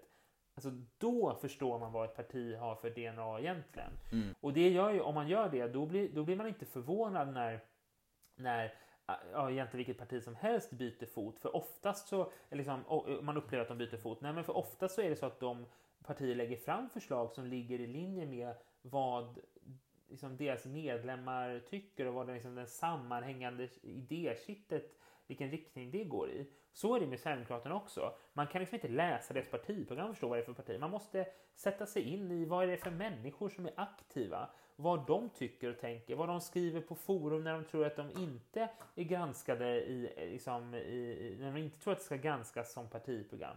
Då förstår man ju vad ett parti vill på riktigt. Och det är då man, när man liksom gör sin research på Sverigedemokraterna, som man blir orolig Mm. och rädd. Inte när man liksom läser deras välputsade partimotioner så mycket. Mm. Nej, jag tycker det där är svårt också. Det är ju svårt alltid att skapa sig en eh, perfekt bild av exakt vad ett parti är. Det finns ju också ofta många motstridiga viljor och liknande. Jag tror ju till exempel inte att Sverigedemokraterna kanske är exakt samma parti som man var på eh, 90-talet eller ens början av 00-talet och att Nej. det kanske Nej, inte är så är heller att det de, heller. de här eh, de, de uteslutna medlemmarna så att säga alltid representerar liksom den sanna eh, partiet Även om det är såklart är så att de inte har gjort upp med dem uppenbarligen eftersom att de oftast bara utesluts när de blir påkomna liksom med händerna i syltburken Ehm, Men, men du kan Nej, men det så är det såklart, men det finns ju personer som, alltså, det finns ju personer som är aktiva i det här partiet som, ja, jag tycker Jimmy Åkesson ger uttryck för ganska märkliga saker också. Ja, Det ja. alltså, så, här, så det är inte så att alla är uteslutna heller. Som, Nej nej, alltså Björn Söder, liksom det finns eh, Alltså om, om du kollar på vad och sen är det ju alla, alla, alla som har valt att gå med i ett parti som har det här idéarvet och den här idétraditionen och, som, och där det gång på gång på gång visar sig att människor eh, att människor är rasister eller nazister eller vad det nu kan vara för någonting. Eh, eh, gång på gång på gång kommer sådana avslöjanden. Alltså jag som liberal hade jag, varit väl, hade jag haft väldigt svårt att gå med i Liberalerna ifall det gång på gång på gång på gång kom avslöjanden om att eh, liberal, alltså liberala, aktiva liberala politiker hade gjort eh, socialistiska utspel hitan och ditan. Mm. Det hade jag haft väldigt svårt att gå med för då hade jag inte litat på att det var ett liberalt parti. Mm. Eh, men uppenbarligen så finns det här en massa människor som påstår att de är emot alla former av rasism och alla former av liksom att stötta liksom, all former av, av den här fula sortens nationalism och så där. Men som ändå har valt att gå med i ett parti där det gång på gång på gång visar sig att den typen av människor är aktiva och ibland på ganska höga positioner. Ja. Det tycker jag är väldigt konstigt. Jag, jag litar inte riktigt på det. Nej nej, jag tycker det är helt begripligt. Jag, jag skulle inte heller lita på att välja några Sverigedemokrater till liksom, de förtroendepositioner bara av det faktum att du kan inte veta vilka det är, vem, du, vem som kommer bli avslöjad härnäst liksom som ja, skrivit Mm. någonting på, på massa forum eller gjort saker. Jag tror väl att det finns säkert, det kan finnas alla möjliga skäl till att de eh, går med. Det kan vara eh, Det kan ju vara så att folk eh, till exempel ser dem som det enda partiet som driver rätt invandringspolitik nu och att de därför Mm. överser liksom med lite, lite problem. Folk, de har väl även lyckats ganska väl med att relativisera det här. De försökte ju göra en stor kampanj om att sossarna egentligen var nazister för att de inte typ bedrev, ja in, inte motarbetade Nazityskland tillräckligt mycket under andra världskriget vilket blir liksom eh, sån historierevisionism liksom så, upp, så uppenbart för att ta fokus från dem själva Det är ju liksom. obehagligt att de liksom har den historien. Alltså, det, ja. vi, vi, det finns ju saker där som man kan undersöka, absolut. Men till, till att börja med så var det ju liksom en koalitionsregering. Så alltså det, och för det andra så hade jag gärna velat sett vad Sverigedemokraterna hade gjort på den tiden. Eller snarare hade jag inte velat se. Eh, men eh, sen så är det också, kan jag också tänka på att väldigt många helt enkelt inte bryr sig. Antingen för att de själva delvis delar de här eller för att de inte, ja. Det är, ute i kommunerna och regionerna när man ser hur de agerar så är det ju oftast mycket värre än när man ser till exempel i riksdagen eller eh, avslöjanden där. Jag tror inte alls att de skulle vara, att de är eh, så att säga, trovärdiga eller avsagande på något sätt om de inte verkligen gjorde upp det med, med det på något sätt. Om de till exempel skulle göra en, jag vet inte, sån här, vad heter det, vitbok där de typ gick igenom alla förseelser eh, och uttalanden och förklarade vad det var, vad det problematiska med Men- dem var och gjorde sig av om de, företrädarna. inte, Men om de inte har om de inte har sin, eh, som jag tycker, obehagliga nationalism och främlingsfientlighet. Varför, det är väl det enda skälet till att de finns?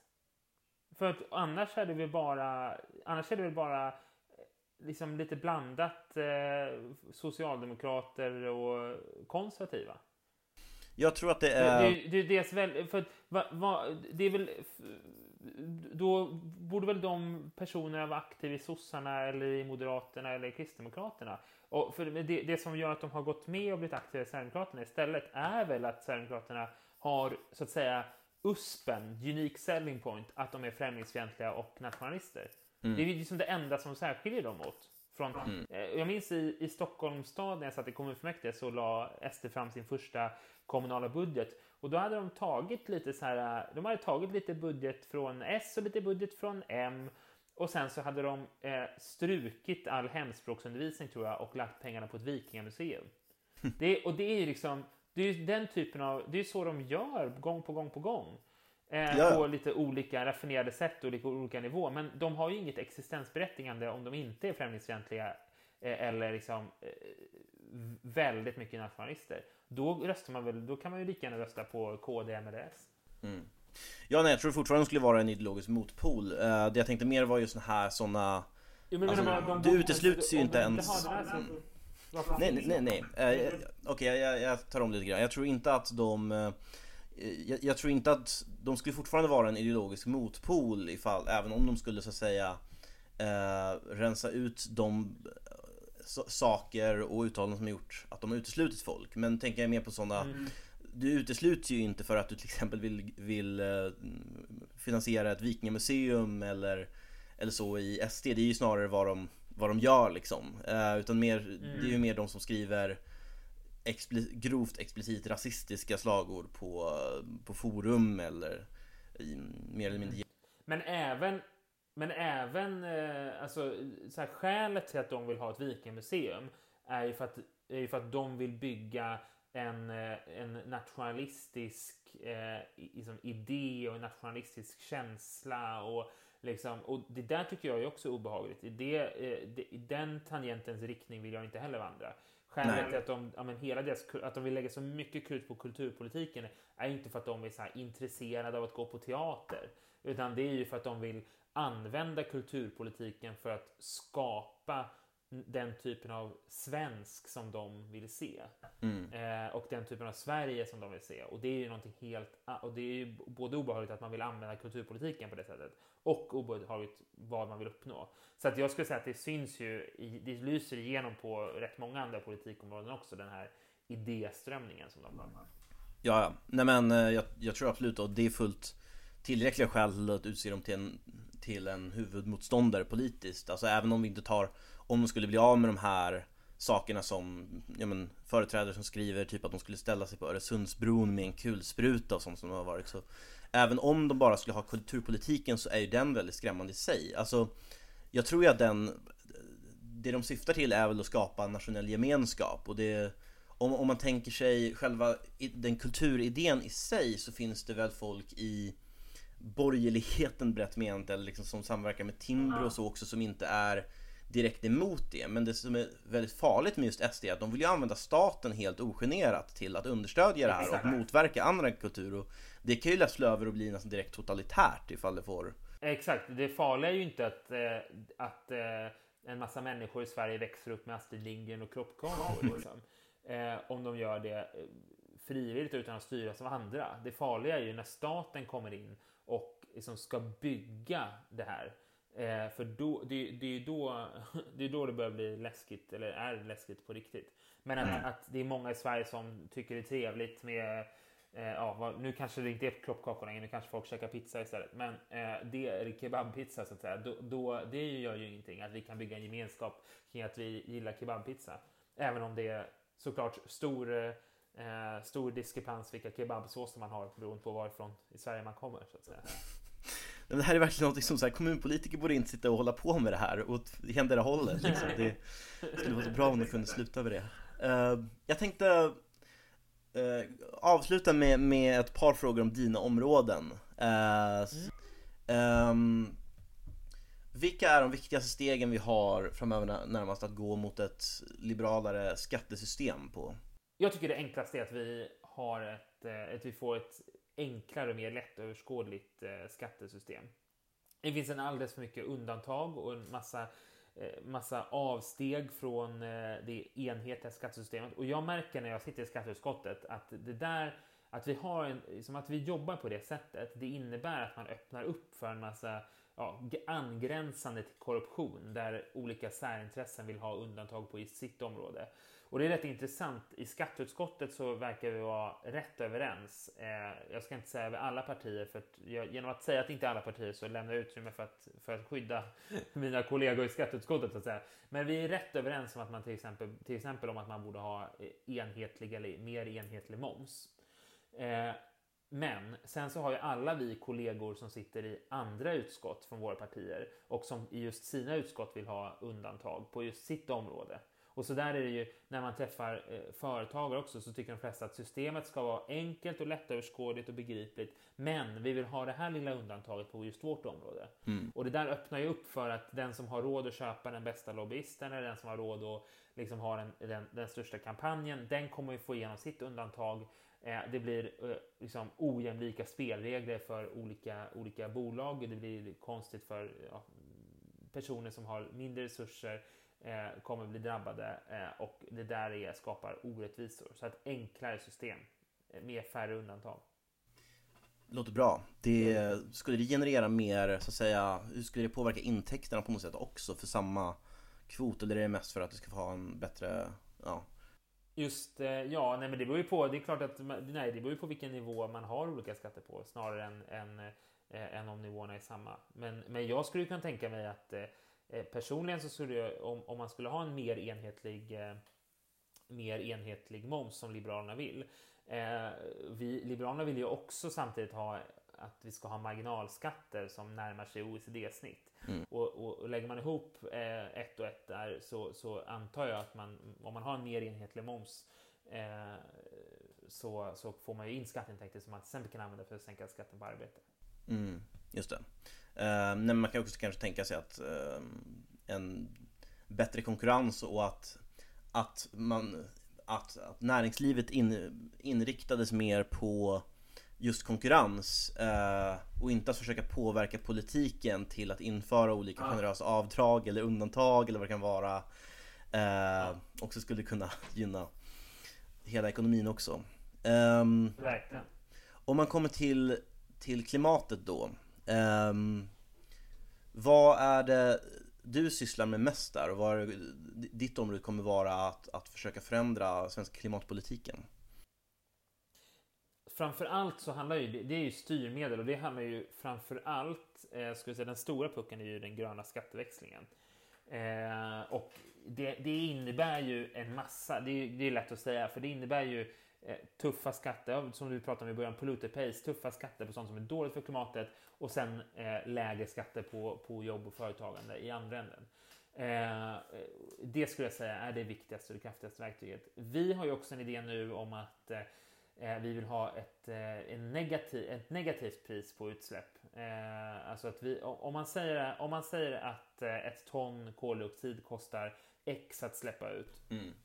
1100 kronor säger vi. att släppa ut. så i skatt då helt enkelt, så som vi har det idag så skulle man kunna säga att den som samlar, den som samlar in, fångar in och, och liksom väldigt långsiktigt lagrar koldioxid skulle kunna få samma peng. För vi har ju bestämt att ett, ett ton koldioxid är värt X. Då borde det vara värt det åt båda håll så att säga. Mm. Eh, och det där tror jag också kan vara ett kraftfullt eh, sätt att få igång eh, just insamling och lagring av koldioxid. Eh, det, det, det, är ju befintlig teknik som finns sedan gammalt men det, är inte, det har inte blivit utrullat på så bred front än. Så det, tror jag, det tycker jag också är en viktig fråga. Intressant. Just det. Um, vad tror du om man tittar internationellt? Um, för den här frågan är ju verkligt gränsöverskridande, bokstavligen. Den är i mm. var utsläppen äger rum och hur de drabbar. Um, vi har ju där eh, vissa målsättningar vi ska nå upp till eh, som ser tuffa ut att nå. Eh, och framförallt tufft alltså om man ser till vilka åtgärder alla länder vidtar. Hur tror du att Går det att få med sig tillräckligt många länder på något klimatsamarbete och som också kunde ta på sig eh, den här sortens politik för att det ska kunna göra verklig skillnad i tid? Ja, men, tror jag, men så här, det, det, jag tror att det går. Jag tror att det går av lite olika skäl. Dels för att, för att teknikutvecklingen går rätt fort på klimatområdet. Det är, mm det, vi, är, vi är inte så långt bort i tid från att ha liksom, elflyg eh, i, i, tillräckligt hög grad för att kunna ersätta mycket av de liksom, affärsresor som görs. Och vi, Eh, vi kommer hela tiden på nya bränslen som är, som är effektivare. Och tillväxt är ju inte bara att vi, det är inte att vi förbrukar mer, det är ju egentligen att vi gör lika mycket eller mer med samma eller mindre mängd resurser. Det är ju tillväxt att säga att vi hushåller. Ehm, och samtidigt så tittar man på eh, stora delar av världen där som kanske kommer från påverkade förhållanden än vad vi gör här i Sverige i, i, i närtid så att säga, eh, så, så, så, finns ju stora Alltså, finns ju stora lokala fördelar med att satsa på, på miljö och klimat. Eh, typ Kina, eh, som, där man har fått bättre luftkvalitet eh, genom att, eh, ja, i det, det, fallet är det ju att flytta på kolkraften istället, och man borde ju lägga ner den såklart. Men poängen är densamma. Om man, om man går till renare energikällor så får man också renare luft. Så, mm. så det finns den typen av drivkrafter. Eh, sen så jag tror att, jag tror att eh, men om man tittar på de stora sakerna så är det ju att de, det globala kapitalet rör sig mot att bli mer grönt. Mm. Och det är inte politik utan det är ju helt enkelt att, eh, att eh, näringsidkare, företagare, börsmäklare också vill göra det som är etiskt eh, mer rätt. Och det ser vi ju nu hur jättestora fondförvaltare världen över går över till att bara vilja satsa på hållbarhet och, och, och, grön, och grön utveckling. Vilket ju såklart är, är fan, helt fantastiskt. Ehm, det, är det, ena. det andra är att jag tror, jag tror samtidigt att vi kan inte, vi, vi ska inte heller hålla på och låtsas som att det är självklart att vi kommer klara klimatkrisen och vi kommer uppnå våra, våra eh, temperaturmål och så vidare. Vi måste ju, det tycker jag verkligen, ja, men, kan man koppla till hela coronasituationen nu, att vi måste bli bättre på att i förväg förutsäga och förbereda oss för olika typer av katastrofer eller omvälvande händelser. Eh, jag tror att vi behöver prata mycket mer om, om anpassning och resiliens, alltså motståndskraft i Sverige än vad vi har gjort hittills. Det, handlar, det kan handla om enkla saker som att eh, hur, hur, hur ska vi göra med, eh, med eh, Skånes kust när vattennivåerna stiger? Eh, eh, eh, alltså som är relativt, det är väldigt handgripligt. Liksom. Ja, då kan vi sätta upp vallar till exempel. Eh, men hur, hur eh, ser vi till att vi eh, kan odla mat även i framtiden när om temperaturerna förändras och vi får ett allt mer volatilt väder? våra städer har jättemycket hårdlagda ytor så vatten kan inte ta sig igenom ytorna och därför får man översvämningar i till exempel tunnelbanor i, i, i Stockholm. Alltså den typen av frågor kommer vi behöva göra också. Vi kan inte bara vi kan inte bara tro att vi kommer klara detta eh, helt och hållet. Vi kommer klara det som människor och vi kommer komma ur det starkare till slut därför att vi har en så pass positiv teknikutveckling. Men det kommer också innebära att vi behöver ställa om hur vi funkar som samhälle på vissa sätt och som människor och hur vi lever och så vidare. Eh, så det, det ska man göra, behöver man göra parallellt. Mm. Nej, men jag tror verkligen det är en bra punkt där om, om tillväxt. Att det är egentligen bara att vi får Um, mer av det vi vill ha, mer av våra preferenser uppfyllda på vilket sätt det än är. Det måste inte, bära, inte innebära ökad resursförbrukning. Uh, det, det beror helt på hur det, hur utformas. Nej, men, och jag tror också att det, det, verkligen är Ifall det blir människors egen initiativkraft som kan riktas mot uh, att komma fram till de här lösningarna och teknikförbättringarna och ändrade sätt att producera så uh, kommer det gå oerhört mycket smidigare.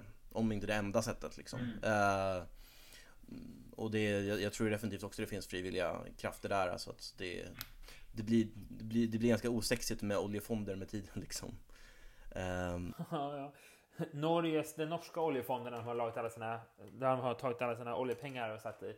Den har ju slogan, har ju den för framtida generationer. Det är ah. väldigt, eh, väldigt mörk humor. Just det. Det blir svårare och svårare liksom med tiden definitivt. Så, eh. Den odlades inte så bra, nej. Nej, precis.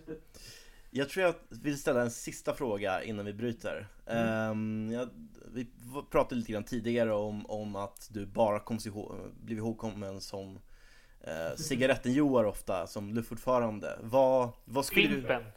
Du, just det, uh, Fimpen. Vad, vad, vad, skulle du vilja komma, bli ihågkommen mest som uh, från den tiden som ordförande?